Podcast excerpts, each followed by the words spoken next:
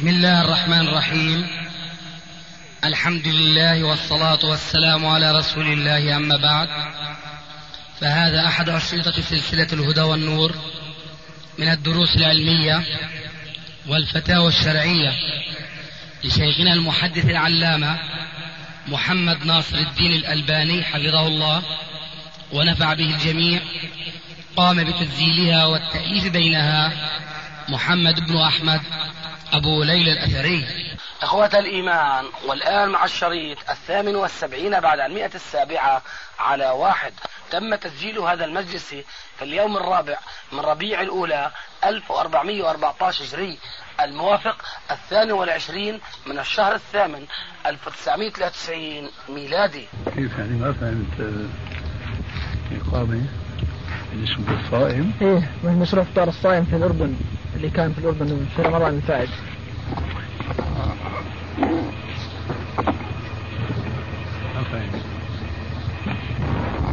هذه الجمعية تقوم بمشروع تفطير الصائمين.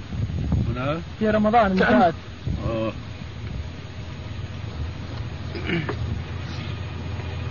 سؤال يا شيخ لا. هنا سؤال بخاصة تكرر فهو أحق. يجي دورك بقى أقول لك يا شيخ. نعم. الصيف ولا الغنى وهذه المؤسسة يا شيخ قائمة على شؤون المسلمين. لها مشاريع آه، هي أصلا قامت على آه، انتشار التوحيد. تريد انتشار التوحيد في العالم الإسلامي. هذا هو الواجب ولكن الأول. لما رأت الح- الحالة الماسة لل- للمسلمين والفقر الشديد قدمت التوحيد في الطبق من طعام ومن غذاء حتى يتقبل الناس. لكن هل هذا التطبيق صحيح؟ والله نقول مثلا ببناء المطابخ. أعني تقديم التوحيد في طبق. هل هذا صحيح من حيث الواقع؟ لا يمكن آه، الأط- الأطروحة غير كذلك يا شيخ. مثلا آه، نقيم أحد المطاعم مثلا ونجعل بجنبه مكان للتدريس. فالناس مثلا في الصومال كذلك فيهم شيء من المجاعة نعم فيجلس إذا جاء ال- الاستزادة من الطعام كذلك يتزوج من التوحيد طيب بالنسبة لما سألت في أول كلامك إفطار الصائم هنا في الأردن هل كان كذلك؟ يعني كان مقرون بالدعوة للتوحيد؟ اي نعم شيخ أثناء ال- يعني قدام الأذان بربع ساعة ونص ساعة تقام الدروس وفي أي منطقة كان هذا في العام تقول؟ ال- ال- العام الماضي أين كان في الأردن؟ كان في الأردن في الأخوان عندهم خبر المشايخ مم. الاخ الأخ علي والله أنا رأيي أن اشتغال الجماعة المسلمة بالجمعيات الخيرية هذا يصرفهم عن الواجب الأول لأن القيام بمشاريع خيرية يستطيع أن يقوم بها العامة من الناس وليس الخاصة. فالخاصة يجب عليهم أن يقوموا بما لا يستطيع أن يقوم به الآخرون. ولا ينبغي أن يتنزلوا ليعملوا ولو كان العمل عملا خيريا آه، فيدعوا ما هو الواجب عليهم أو على الأقل الأوجب عليهم. فنحن رأينا كثيرا من الإخوان الذين قامت دعوتهم على أساس الدعوة إلى الكتاب والسنة وبخاصة منهما التوحيد شغلوا بالمشاريع الخيرية عن متابعة الدعوة التي كانوا نذروا أنفسهم لها. ولذلك ما نرى لطلاب العلم أن يشغلوا أنفسهم بمثل هذه الأمور التي هي تعتبر من ال- النوافل وليس من الفرائض. هذا ما عندي على ما سألت. طيب يا شيخ إذا كان القائم عليه مثلا هؤلاء طلاب العلم يكون الإشراف فقط يا شيخ. وعندهم الدروس في المساجد وعندهم الدعوة وعندهم انشطتهم الإسلامية الأخرى. إنما قيامهم على هذه الإش- الإشراف فقط والقائمين عليها في العمل وفي التنفيذ وفي المتابعة من عامة الناس. بس هؤلاء يعني يوجهون هؤلاء العامة من أجل الطريق الصحيح. لا مانع حينما يكون الأمر كما تقول. لكن أنا قصدي توفير الجهود لما هو الأوجب بالنسبة للذين يستطيعون القيام بما هو الأوجب. نعم. هذا غرضي تفضل ماذا عندك؟ مجموعة من الأسئلة جزاك الله خير. السؤال الأول هل يشترط إقامة الحجة في التبديع والتفسيق؟ والله هذا الجواب يختلف اختلاف البلاد. وباختلاف السكان من حيث وجود العلماء الذين يقومون بجاوب بوجوب أو بواجب التوعية والدعوة. خلينا نضربها مثلا كما يقولون في البلاد السورية علاوية يعني بفارق كبير جدا. فمن كان في بلاد الكفر. وبين جماعة قد أسلموا حديثا. فهؤلاء بلا شك بداهة. لا يجوز آه الانطلاق إلى تكفيرهم أو تفسيقهم أو تبديعهم مباشرة. لأنهم يعيشون في جو حديث عهد بالإسلام وبالمعرفة بالأحكام الإسلامية. هذا في طرف. والطرف الثاني جو علمي خالص جو إسلامي خالص. ما يحتاج الأمر إلى إقامة الحجة لأن المسألة قائمة بواقع طبيعة الجو الإسلامي والعلمي. هذان مثلان متباينان تماما. وبلا شك بينهما أمثلة متعددة جدا. بعضها تقترب من المثال الأول وبعضها تقترب من المثال الثاني وهكذا الدواليك لذلك المقصود من هذا التمثيل هو أنه لا يجوز إطلاق القول سلبا أو إيجابا عن ذاك السؤال. فلا يقال يجب ولا يقال لا يجب وإنما ذلك يختلف باختلاف الناس الذين يراد تكفيرهم أو تفسيقهم أو تبديعهم. والأصل أن أنه لا يجوز تكفير المسلم وبالتالي تفسيقه وبالتالي تبديعه إلا بعد إقامة الحجة. للآية المعروفة وما جاء في معناها من أحاديث صحيحة. الآية المعروفة أعني بها قوله تعالى وما كنا معذبين حتى نبعث رسولا ومثلها لأنذركم به ومن بلغ. كذلك قوله عليه الصلاة والسلام الذي أخرجه الإمام مسلم في صحيحه من حديث أبي هريرة رضي الله تعالى عنه. قال قال رسول الله صلى الله عليه وآله وسلم ما من رجل من هذه الأمة من يهودي أو نصراني يسمع بي ثم لا يؤمن بي إلا دخل النار. فأقول الأصل هو أن تكون الحجة قائمة على هذه الأصناف الثلاثة. هذا هو مناط الحكم. فإذا المسألة بعد تلك الأمثلة التي ضربناها فمن كان على علم أو على ثقة بأن زيد من الناس الحجة قامت عليه جاز تكفيره جاز تفسيخه جاز تبديعه وإلا فلا هذا هو الجواب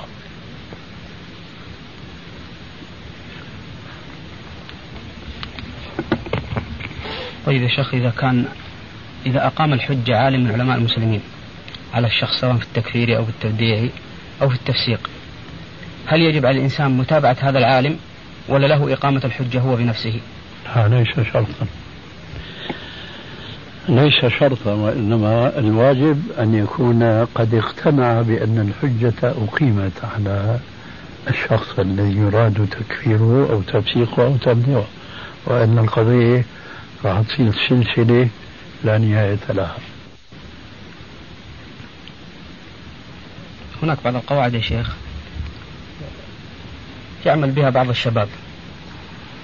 ومن ضمنها قاعدة من لم يكفر الكافر فهو كافر. ثم من لم يبدع المبتدع فهو مبتدع. وقاعدة أخرى من لم يكن معنا فهو ضدنا. ما رأيك في هذه القواعد يا شيخ؟ ومن أين جاءت هذه القواعد؟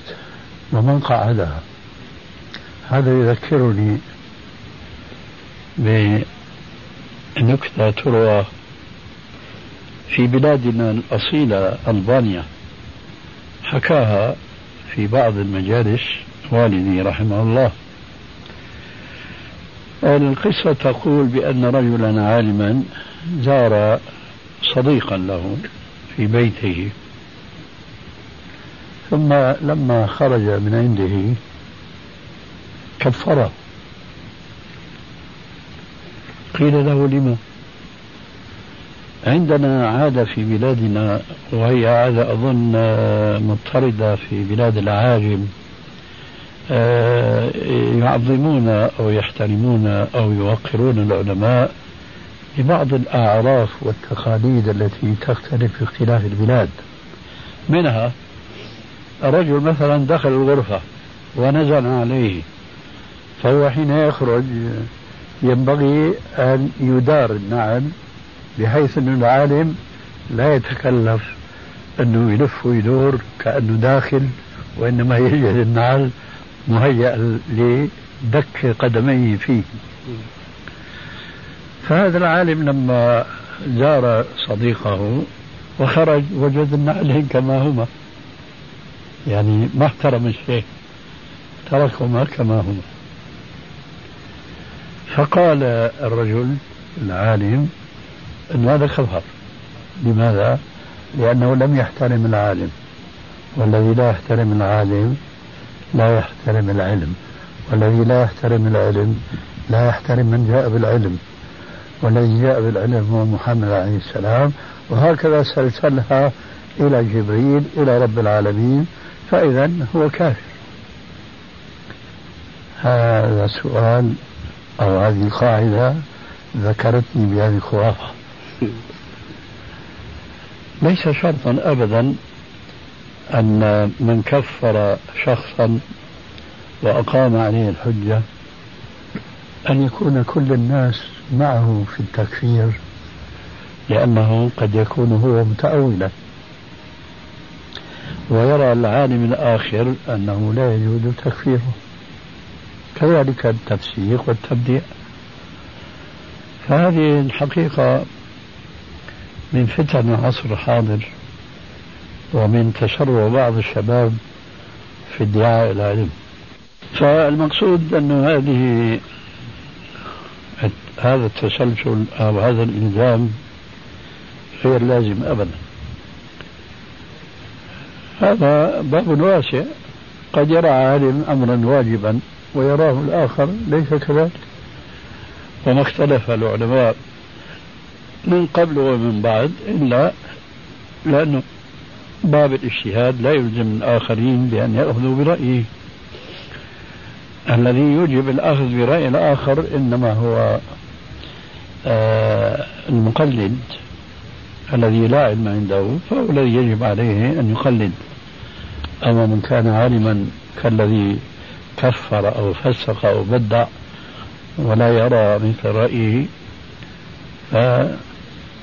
فلا يلزمه أبدا أن يتابع ذلك العالم. وهذه ظاهر المصيبة كأنها إن شاء الله ما انتشرت بعد من بلادكم إلى بلاد أخرى. والله يا شيخ هي موجودة في بلادنا. قضية التبديع وقضية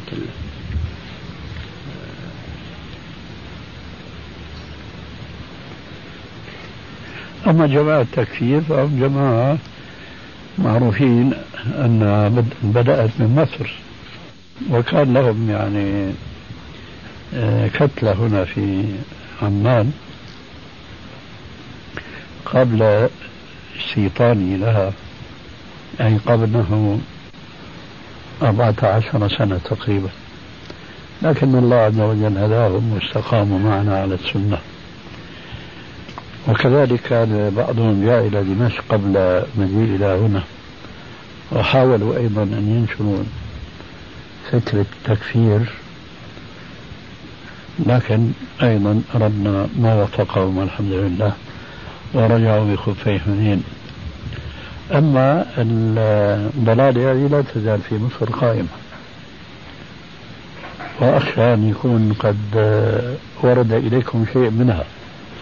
إلى بعض طلاب العلم. والله المستعان هناك بعض المسائل يا شيخ. اختلف فيها أهل العلم عندنا. فمنهم من يقول بدعيتها ومنهم من يقول بجوازها. وبعض الشباب مقلدة. فلثقته في العالم الذي قال بالجواز أخذ في هذه المسألة. فهل يجوز يا شيخ الحكم على هذا الشخص في الطعن في منهجه أو تبديعه. من أجل فعله هذا هو مثال عليها مسألة التمثيل. مسألة التمثيل. تمثيل. أيوه. الشيخ محمد بن عثيمين طبعا وضع بعض الشروط لكن يقول بجوازها والشيخ عبد الله بن جبريل. بعض مشايخنا مثل الشيخ بكر أبو زيد الشيخ ربيع بن هادي يقول ببدعيتها. ما رأيك يا شيخ؟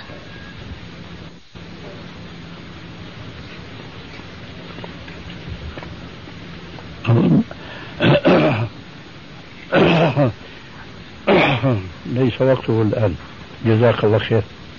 معلش لحظة معي المسجل تبعك عم يشتغل ولا واقفة؟ معلش شيخنا بدها تسجل علينا الدرس مش الدرس. تسجل يا شيخنا. تفضل. هي لحظة هي خلينا نعطي يوقف الشريط معلش شيخنا بسم الله. تفضل. سبحان الله الظاهر شيخنا ما في عناية. هذا طيب هذا. هذا؟ هذا أكل العصفور طاهر. العصفور ولا يأكل الاشياء طيبه يا شيخ. ها؟ العصفور إيه؟ يختار طيبة. ولذلك يجب من الأشجار من التين. اليوم حوشنا بعض الأفراد منها. قلت لأهلي انظروا. آية من آيات الله. أحسن كل شيء خلقه ثم هدى خلى القشرة وأخذ كل شيء في التين هذه. هذا الذي أكلته ترك شيئا. نعم. أما هذه كأنه حفرها بشيء حاد. ما أبقى فيها ولا بذرة صغيرة. حيوان. لكن الله عز وجل أعطاه من الإدراك بقدر ما يحيا. وهكذا. هذا حتى عندنا في النخل يا شيخ. النخل في التمر. آه. أيضا لما ال- الرطب ياكل الرطب ويقعد على البسر سبحان الله. نعم. الله أكبر. سؤالك بدأ بشيء وانتهى إلى شيء في ظني. فهل أنت تسأل سؤالا واحدا؟ أم أكثر من سؤال؟ سؤال واحد يا شيخ. آه. إذا حدد سؤالك لأني أنا شعرت أنه فيه أكثر من سؤال. حدد سؤالك. سؤال الحكم على الشخص الذي أخذ بقول الشيخ الذي قال بالإباحة أو بجواز فعل هذا الشيء. نعم. والمثال مسألة التمثيل. نعم نعم. إيه. هل هل يحكم يجوز؟ كوني أنا أرى أن التمثيل بدعة والشخص هذا أخذ بقول مثلا أحد المشايخ الكبار. الذي يقول الذي بالجواز يقول بالجواز. نعم. هل لي أن أط- أطعن في منهج هذا الشخص بحيث أن أقول هذا منهج الإخوان المسلمين في هذه المسألة؟ أو أني أبدع الشخص لأنه أخذ بهذه المسألة. علما أن الشخص مقلد يا شيخ.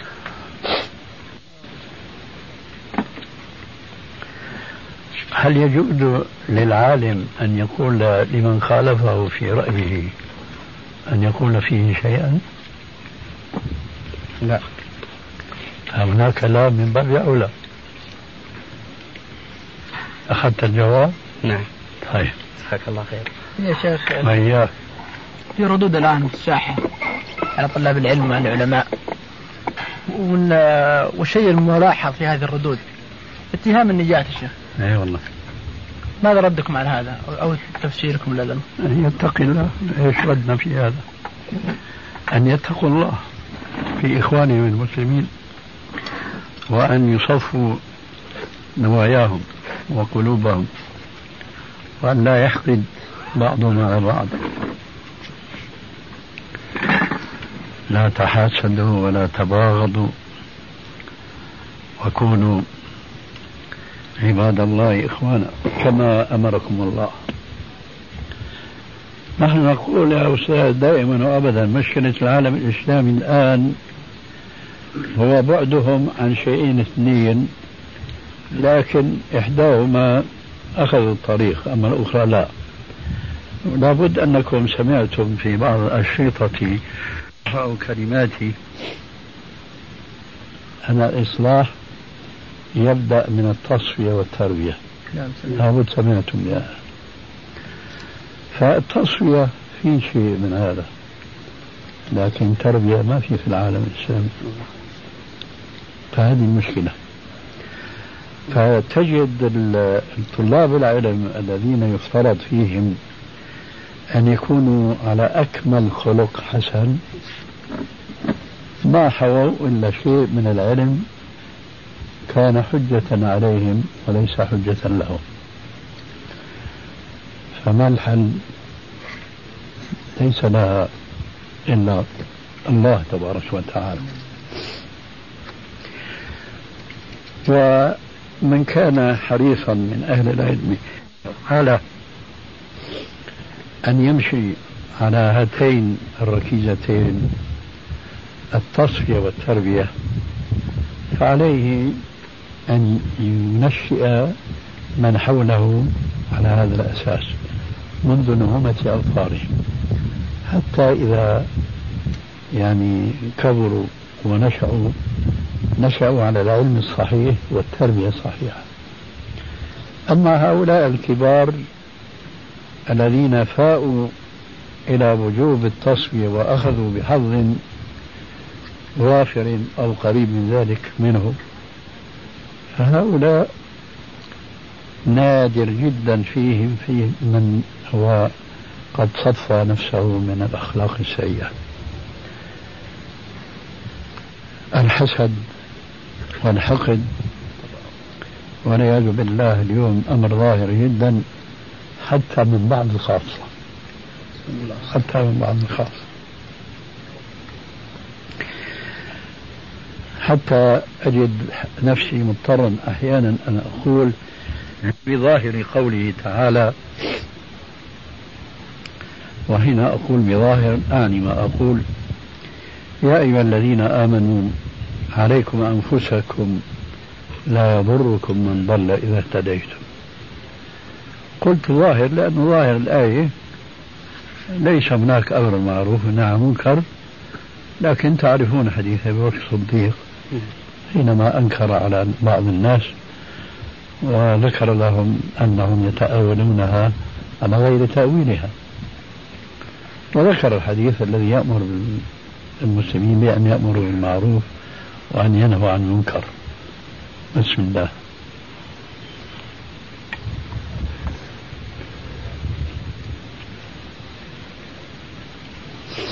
فالظاهرة المنتشرة الآن في الآونة الأخيرة في السعودية؟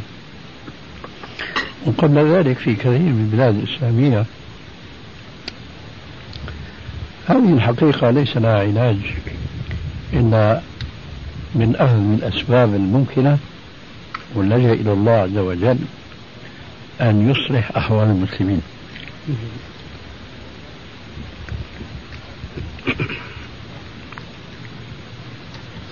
وإلا فلا وجه إطلاقا أن الدعاة للكتاب والسنة والذين ينتمون إلى منهج السلف الصالح ليس هناك مطلقا ما يسوغ لهم أن ينقسموا إلى طائفتين بل إلى طوائف يعادي بعضهم بعضا كما لو كان هناك سلفيون وأعداؤهم صوفيون. وهم طائفة واحدة كلهم يقول أنا على الكتاب والسنة. وإن كان بعضهم آه، لا يرضى بأن ينتسب إلى السلف الصالح. وهذا من المشاكل التي وقعت عندكم حيث أن بعض الطلاب الناشئين كما سمعت شريطا له أنه لا يجيد أن يقول أنا سلفي وأن من أصر على ذلك يستتاب وإلا قتل. سمعتم هذا؟ ترى تراجع الرجل يا شيخ. الحمد لله بشرك الله خرج خيرا. له شريط في ذلك. هذا نريده. وبين بين قصده أولا. آه. قال أنا أقصد أنه قضية التحزب. الله يهديه. ثم قال وأنا أتوب عن هذا اللفظ. جزاه الله خير. ذلك هو الظن به. لكن هذا إن دل على شيء كما يقولون اليوم أنه حرارة الشباب تغلب علمهم. كلمة هذه ليست سهلة أن يقول الإنسان إذا انتسب إلى السلف الصالح يستتاب وإلا قتل ويحتاج بكلام ابن تيمية. أين هذا من ذاك؟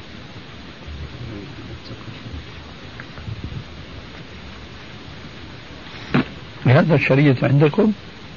أنا أخبرني بهذا الشريط الشيخ عبد الله العبيلان. آه. كنت قبل أيام في الرياض وأخبرني بهذا الشريط.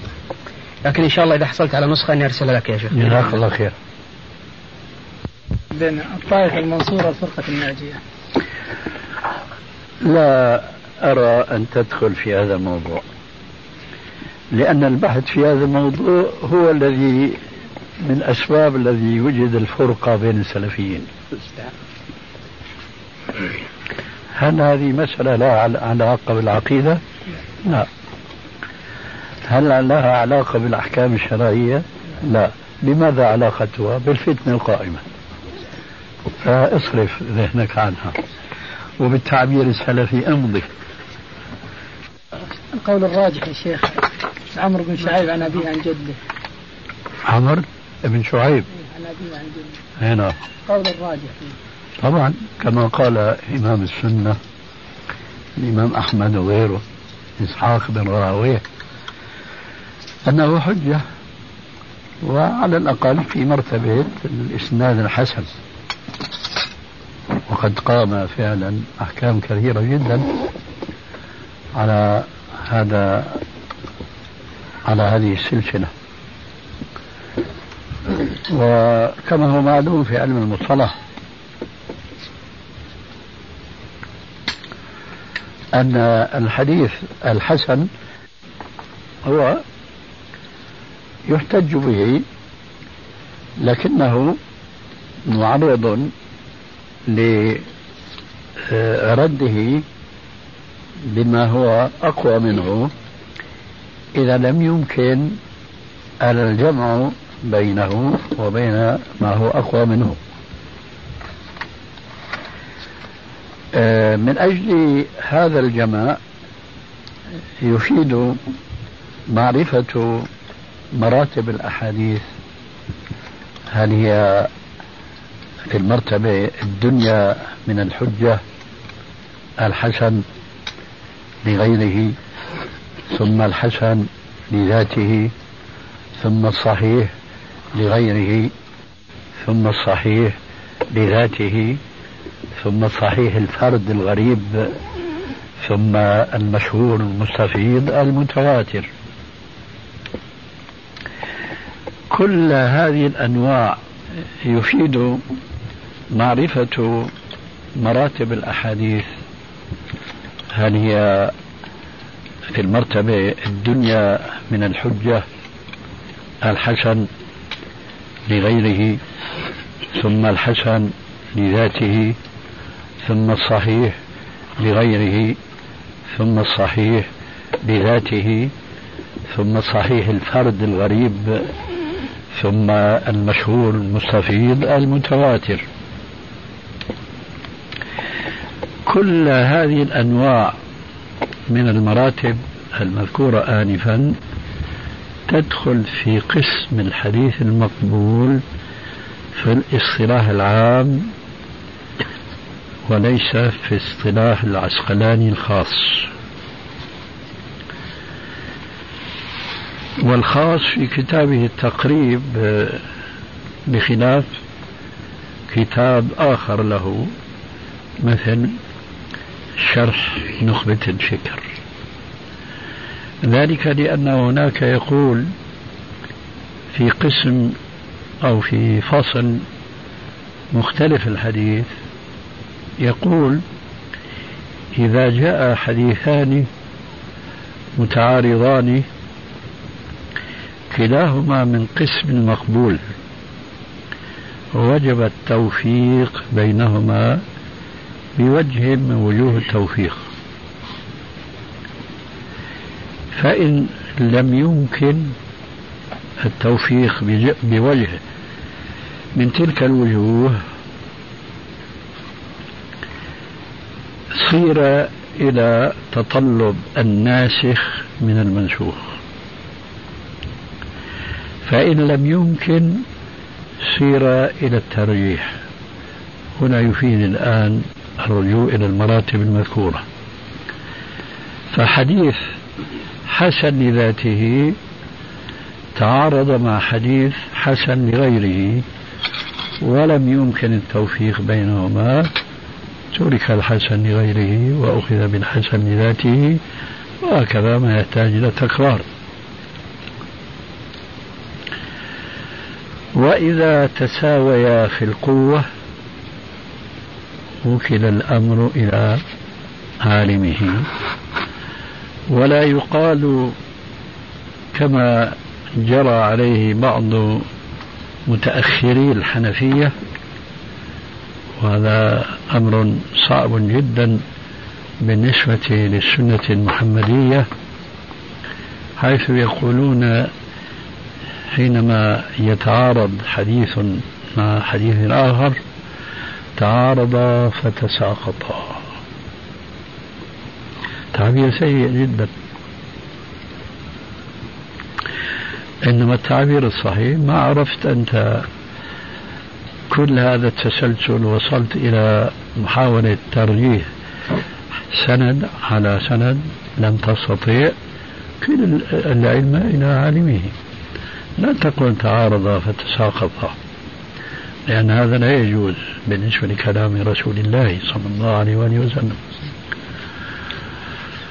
فالمهم فإذا عرفنا أن حديث عامر بن شعيب عن أبي عن جده هو حديث حسن لذاته يحتج به حينما لا يكون مخالفا لغيره مخالفة لا يمكن التوفيق بينه وبين غيره حتى ولا حاجة إلى الترجيح فهو يبقى حجة. وعلى ذلك جرى أئمة السنة وعلى رأسهم الإمام أحمد رحمه الله. هذا جوابي عما سألته يا شيخ أهل الجنة. يتفاوتون في المنازل؟ أهل الجنة إيش؟ يتفاوتون في المنازل فيها. يتفاوتون؟ في المنازل. طبعا يتفاوتون.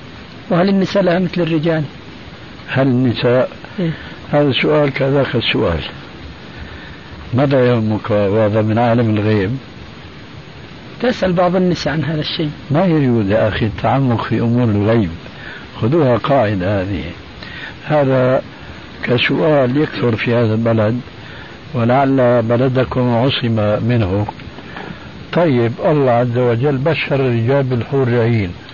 وبشر النساء بماذا؟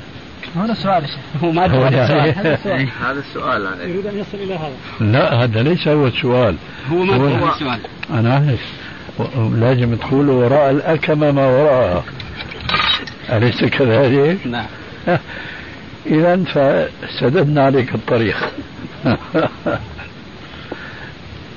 طيب يا شيخ في مجال التبرعات الآن. إذا جاء مال معين مخصص لأناس مثلا آه، حد البلاد الإسلامية. وعندي وفي مثلا بلاد أخرى ناس من التوحيد. هل يجوز أن يحول هذا المال من هذا الطريق إلى الطريق الآخر؟ هل أنت تريد بالقسم الأول من سؤالك أنه أعطي هذا المال ليعطى لناس معينين؟ نعم. هل تريد أنت أن تعطيه لناس آخرين؟ نعم. شيخ لا ما يجوز إلا إذا كنت تعتقد أن صرف هذا المال للأشخاص المعينين فيه معصية. هذا واضح يعني ذاك يجوز. لكن ما أعتقد أن هذا هو سؤالك. شيخ يكون الأول يا شيخ يكون الأول مثلا ولا يصلي يا شيخ؟ ولا يقيم الصلاة ولا ولا له علاقة بالإسلام إلا مثلا يتشاهد فقط. ويقول أنه في البطاقة مسلم. مثل إخواننا في الأسن والهرسك. مثل إخواننا؟ في الأسن والهرسك. هرسك نعم بوسنة والهرسك. في ناس في بلاد هذول أخرى موحدين ولكن الناس في العاطفة الآن يتبرعون للهرسك. فيهم يعني كثير يعني. أما إخواننا الآخرين في البلاد العربية الأخرى وفي البلاد الإسلامية الأخرى من أهل التوحيد ولا يأتيهم التبرع هذا فأريد أن مثلا أن آخذ جزء من هذا التبرع إلى هؤلاء طيب لو قيل لك اصرف هذا المال لناس من الكفار تأليفا لقلوبهم ماذا تفعل؟ أفعل أصرف ما تصرف لآخرين من المسلمين؟ والله هذا السؤال يا شيخ؟ أعطيتك الجواب الله يهديك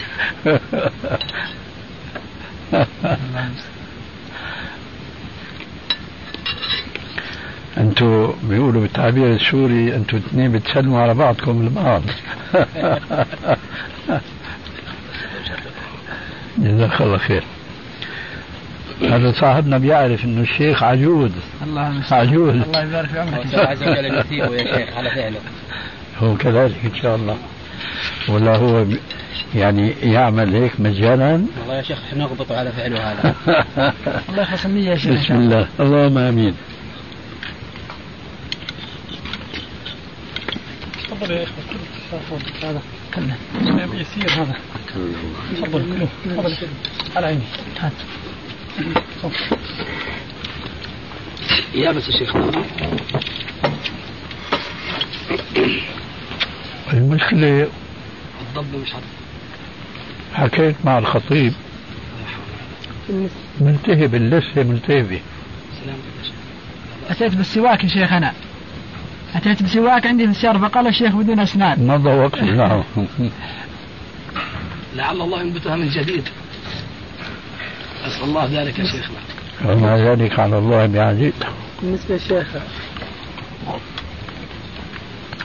الطعام عند الزوجات إذا كان إنسان معدد هل اشترط فيه العدل أم لا؟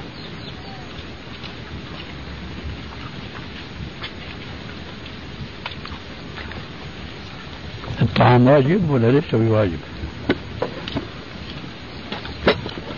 أو لأقول بعبارة أخرى الإطعام واجب والإلباس؟ الإلباس. واجب. واجب. يجب العدل في الإلباس؟ نعم. ولماذا لا يجب هناك؟ لا دخول رجل على زوجة الثانية يطعم عندها. ما تقول لا. إيش كان سؤالك؟ هذا سؤال يعني. الدخول عند الزوجة؟ إي نعم ويطعم عندها. تأكل من طعامها من طعامك. من طعام الموجود عندها. أنا عارف لكن هو من كيسها ولا من كيسك؟ من كيسي أنا. اذا من طعامك. نعم. طيب إيش فيها؟ لعلك آه. هو شواس على أريد تركي.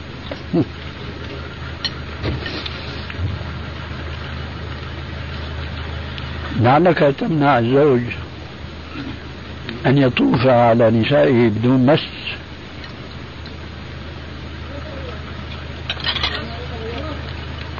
آه. ما لكم لا تنطقون. النبي صلى الله عليه وسلم طاف على النساء في ليلة. أنا ما أسألك. أريد بس لعلك تقول لا. حتى أقول لك هذا كهذا أيضا. لا يا شيخ بالنسبة للبس الخاتم الذهب للرجال.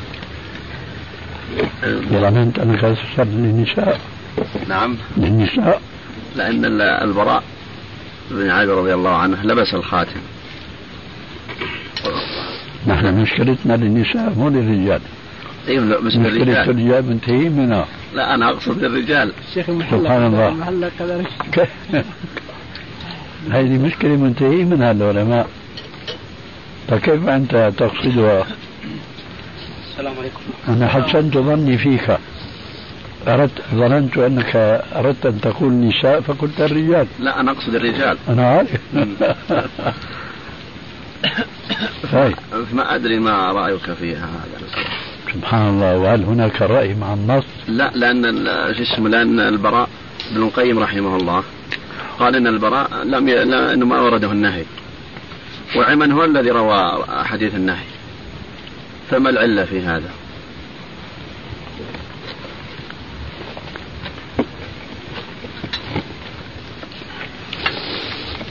ما أدري هل أنت تنقل بدقة عن ابن القيم أم لا. نقلته. أنا جوابي على وجهين.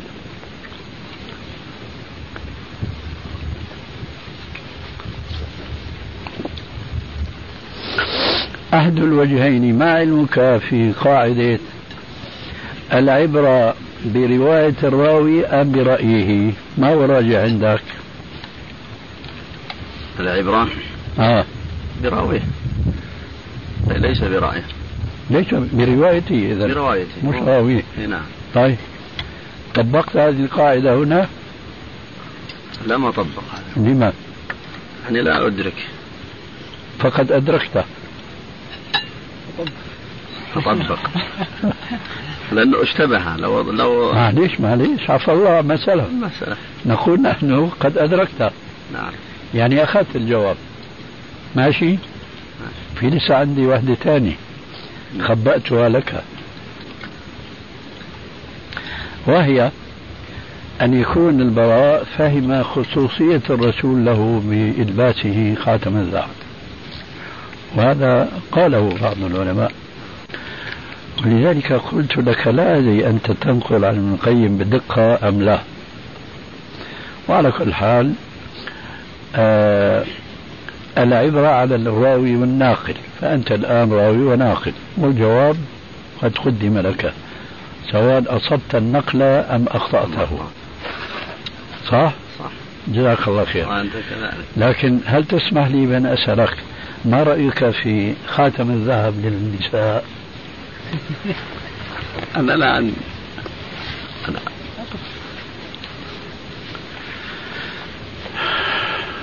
إيش قلت؟ قلت والله أعلم. آه. وماذا لازم من قال في أمر ما الله أعلم؟ نريد نريد منك. كيف تريد مني؟ لا أردت أن أوضح لك ماذا أقصد بالسؤال. إذا كان عندك زوجة وأنت لا تعلم ما حكم خاتم الذهب فمن الناحية العملية ماذا يكون عملك؟ هل تلبسها خاتم الذهب أم لا؟ كنت أتوقف عنده حتى أسأل أهل العلم. كيف؟ أتوقف في هذه المسألة. وهل أنت متوقف فعلا؟ لا حتى أسأل. كلام أتوقف فعلا. قرب الميكروفون عليه ما يحتاج وصل بالموقف. بس يمكن الأخ أقول يمكن الأخ يتكلم بعموم ال- الحديث. في حل الذهب للنساء إيه نعم لكن أعتقد أنه هو وجميع الحاضرين معه لا يعتقدون ب... لا يؤمنون بعموم الحديث إيش رأيك؟ هل تؤمن بعموم الحديث؟ لا يا شيخ أنا ها؟ في حديث مقيد يا شيخ هذا هو إي نعم اذا هل يؤمن حين ذاك بعموم الحديث؟ لا يا شيخ ما يوم طيب. بس في هذا النقطة يا شيخ هو عامل هذا هو بحثنا في هذه النقطة. هو بحثنا في هذه النقطة. هل الحديث عام؟ والله أنتم أقول يا شيخ أنتم لكم كتاب في هذه المسألة. نعم. مو كتاب بحث في بحث. كتاب. نعم. في اداب الزفاف. يلا بسم الله. الله أكبر الله أكبر. الله أكبر الله أكبر. الله أكبر الله أكبر. الله أكبر الله أكبر. هذول قبل ما يصدوا. هذول بيصدوا صدى خاص. نعرفه. تعرف صدى الفاكهة كيف؟ يكون أبيض يصير. خاصة التفاح يا شيخ هذا خاصة التفاح أي نعم. والموز. والموز والموز. أشهد أن محمدا دليل لا يستغنى عن القشر الله أكبر. هؤلاء بقسموا تعيس الذين يقولون الإسلام لب وقشر رسول الله. شيخنا عشان فرقوا هكذا صار فيهم زي حي هذا على الصلاة. نعم. لا حول ولا قوة إلا بالله. حي على الصلاة. لا حول ولا قوة إلا بالله. حي على الفلاح. لا حول ولا قوة حي على الفلاح.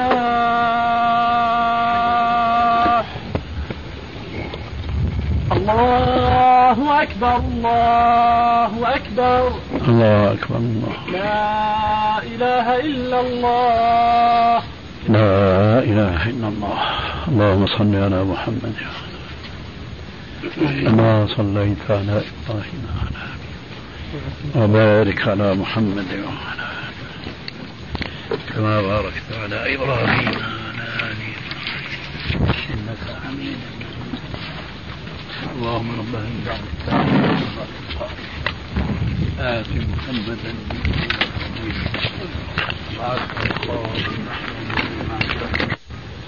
فإذا جاء حديث يحرم جنسا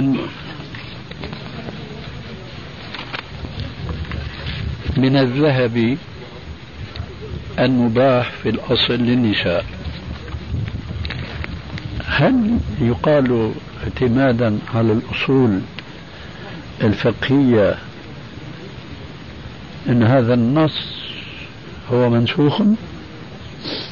أم يقول أم يقال هو مخصص من النص العام مستثنى منه. ماذا تقول القواعد الأصولية الفقهية؟ نص عام. يحرم شيئا. أو نص عام يبيح شيئا. وهذا الشيء اسم جنس يشمل أنواع كثيرة. ثم جاء نص يتعلق بجزء من هذه الأجزاء. هل يقال هذا الجزء منسوخ أم يقال إنه مخصص مستثنى من النص العام؟ هذا مخصص لأن الخاص يقيد العام. هذا هو. لماذا فقهاؤنا لا يطبقون هذه القاعدة في هذه المسألة؟ وهناك نصوص صريحة محرمة لخاتم الذهب. خلينا نقف الآن عند خاتم الذهب. على النساء لماذا يقولون هذا منسوخ؟ ويقولون منسوخ يا شيخ. إذا؟ يقولون في علة مثلا يا شيخ الحديث مثلا مثلا علته ولا قامت هذه النساء بإخراج الزكاة. سامحك الله. المسألة الآن وعليكم السلام ورحمة الله. خرجت عن كونها مسألة أصولية فقهية وأدخلتها إلى مسألة أصولية حديثية. وهذا خلط في البحث ما ينبغي. هذا رأيهم يا شيخ أنا بقول رأيك يعني رأيي أنا لا. أنا ما أقول رأيك ولا رأي. أنت طورت الموضوع مش هن نعم. هن الآن غير حاضرين.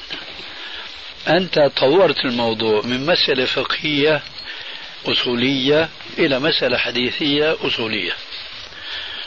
هذا ليس بصواب في البحث. أنا كان سؤالي لماذا الفقهاء اليوم على الأقل يقولون بأن هذا الحديث منسوخ؟ أنت قلت لا. وهم يقولون أنه منسوخ. في من في من يقول إنه منسوخ، في من يقول إنه في هذه التي قلت سابقا. فنحن بحثنا مع من الآن؟ مع الذين يقولون ماذا؟ إنه منسوخ. الاثنين كلهم هي.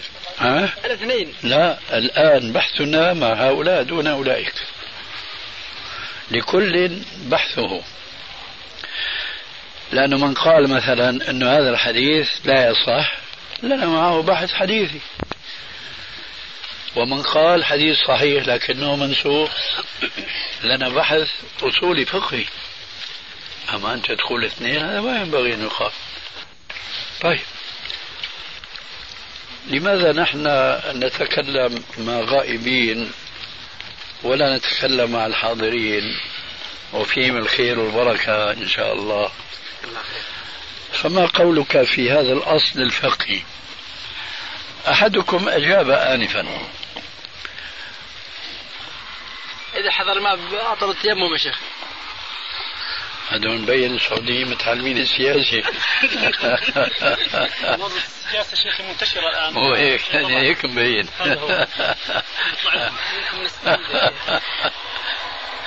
بس أنا مطلع السياسة ترى بالكلية. أبدا.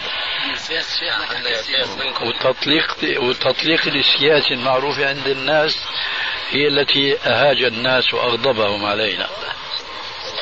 ولست أبالي حين أقتل مسلما. على أي جنب كان لله مصرعي؟ أو الدخول بالسياسة بالضابط الشرعي يا شيخ. كيف؟ أو الدخول بالسياسة بالضابط الشرعي يا شيخ. ما أنا قلت سياسته. نعم سياستهم نعم إيه، لكن أنت الآن بأنه سياسة تكلمت الشرعية ولا إيه؟ العرفية. السياسة العرفية. لا حول ولا قوة إلا بالله. هذول الجماعة من سياستهم تجار بيشتروا ما بيبيعوا. نعم. ما بيبيعوا. شاطرين. هذول السعوديين معروفين بالتجارة خاصة بعض البلاد منهم يعني. هؤلاء شيخ من أهل بريدة. آه. ومن أشهر مناطق القصيم في السراج التجارة بريدة. آه. صدق الخبر هذا. السلام عليكم. وعليكم السلام ورحمة الله وبركاته. أن تسنوا في بلادكم سنة حسنة؟ يكتب لكم أجرها. وأجر من عمل بها إلى يوم القيامة. لابد أنكم ستكونون عند حسن الظن. أرجو من الله ذلك. إن شاء الله. إن من المخالفات الشائعة في كل البلاد الإسلامية والتي كان المفروض أن ينجو من مثل هذه المخالفة بلادكم السعودية لأنه يوجد فيها والحمد لله دعاة إلى الكتاب والسنة كثر. بخلاف البلاد الإسلامية الأخرى. تلك المخالفة هي مسابقة المقتدين لأئمتهم في التأمين. ولعلكم لاحظتم في هذه الصلاة أنفسكم حيث سبقتموني بآمين. بمعنى لا تفسحون المجال لإمامكم أن يتنفس على الأقل. يعني كما تعلمون من السنة أن النبي صلى الله عليه وآله وسلم كما جاء في حديث أم سلمة أنه كان يقطع القرآن آية آية ومثلت بالفاتحة فقالت بسم الله الرحمن الرحيم. الحمد لله رب العالمين الرحمن الرحيم إلى آخرها. ولا شك أن خاتمة الفاتحة غير المغضوب عليهم ولا الضالين وأن آمين ليست من الفاتحة. فإذا من الضروري على كل إمام إذا ما انتهى من قراءة الفاتحة بقوله ولا الضالين أن يأخذ نفسا وبعد ذلك يقول آمين. ولريثما هو يأخذ النفس يكون الجماهير من خلفه بدأوا بآمين وصدق من قالوا انتهوا. آه فإذا بارك الله فيكم. تنقلون هذه السنة وهي معروفة لديكم علما. لكن غير معروفة عندكم تربية. آه رجعنا إلى التصفية والتربية. فلعلكم إن شاء الله تنقلون هذه السنة وتطبقونها. من أمكم تصبرون عليه حتى يأخذ النفس يتراد إليه النفس بعد ولا الضالين. وحينما تسمعونه يبدأ بآمين فابدأوا بعده بآمين وبذلك تحققون في الحديث الوارد في هذا الصدد أمرين اثنين. الأمر الأول الائتمار بأمره عليه السلام الذي لا يجوز مخالفته بنص القرآن والأمر الآخر أن نحظى بمغفرة الله جزاء ائتمارنا بأمر نبيه عليه الصلاة والسلام. ذلك هو قوله كما جاء في الصحيحين من حديث أبي هريرة رضي الله تعالى عنه قال قال رسول الله صلى الله عليه وآله وسلم إذا أمن الإمام فأمنوا.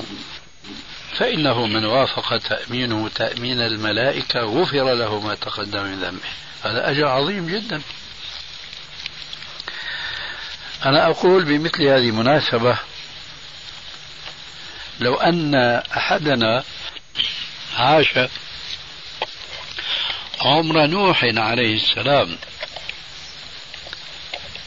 ألف سنة وأكثر أقول ألف سنة وأكثر عمره. أما ما لبث في قومه فهو ألف سنة إلا خمسين عاما. فلو أن أحدنا عاش ألف سنة فقط ليحظى بمغفرة الله عز وجل لكان الثمن بخسا زهيدا فما بالكم؟ المسألة لا تكلفنا إلا أن نكبح جماح نفوسنا وأن لا نسابق إمامنا وأن نتذكر قراءته فإذا انتهى من ولا الضالين أخذ نفسا. ثم بدأ يقول آمين فقلنا معه آمين. استحققنا هذه مغفرة من الله عز وجل. إذا الأمر القضية مهمة جدا. أولا لا نخالف أمر الرسول.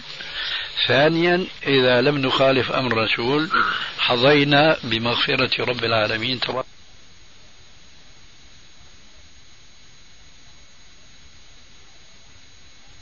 المهجورة عمليا لأني طفت بلادا كثيرة مع الأسف فوجدتها ميتة بالمرة. كل الناس يخالفون هذا الحديث في كل البلاد التي طفتها.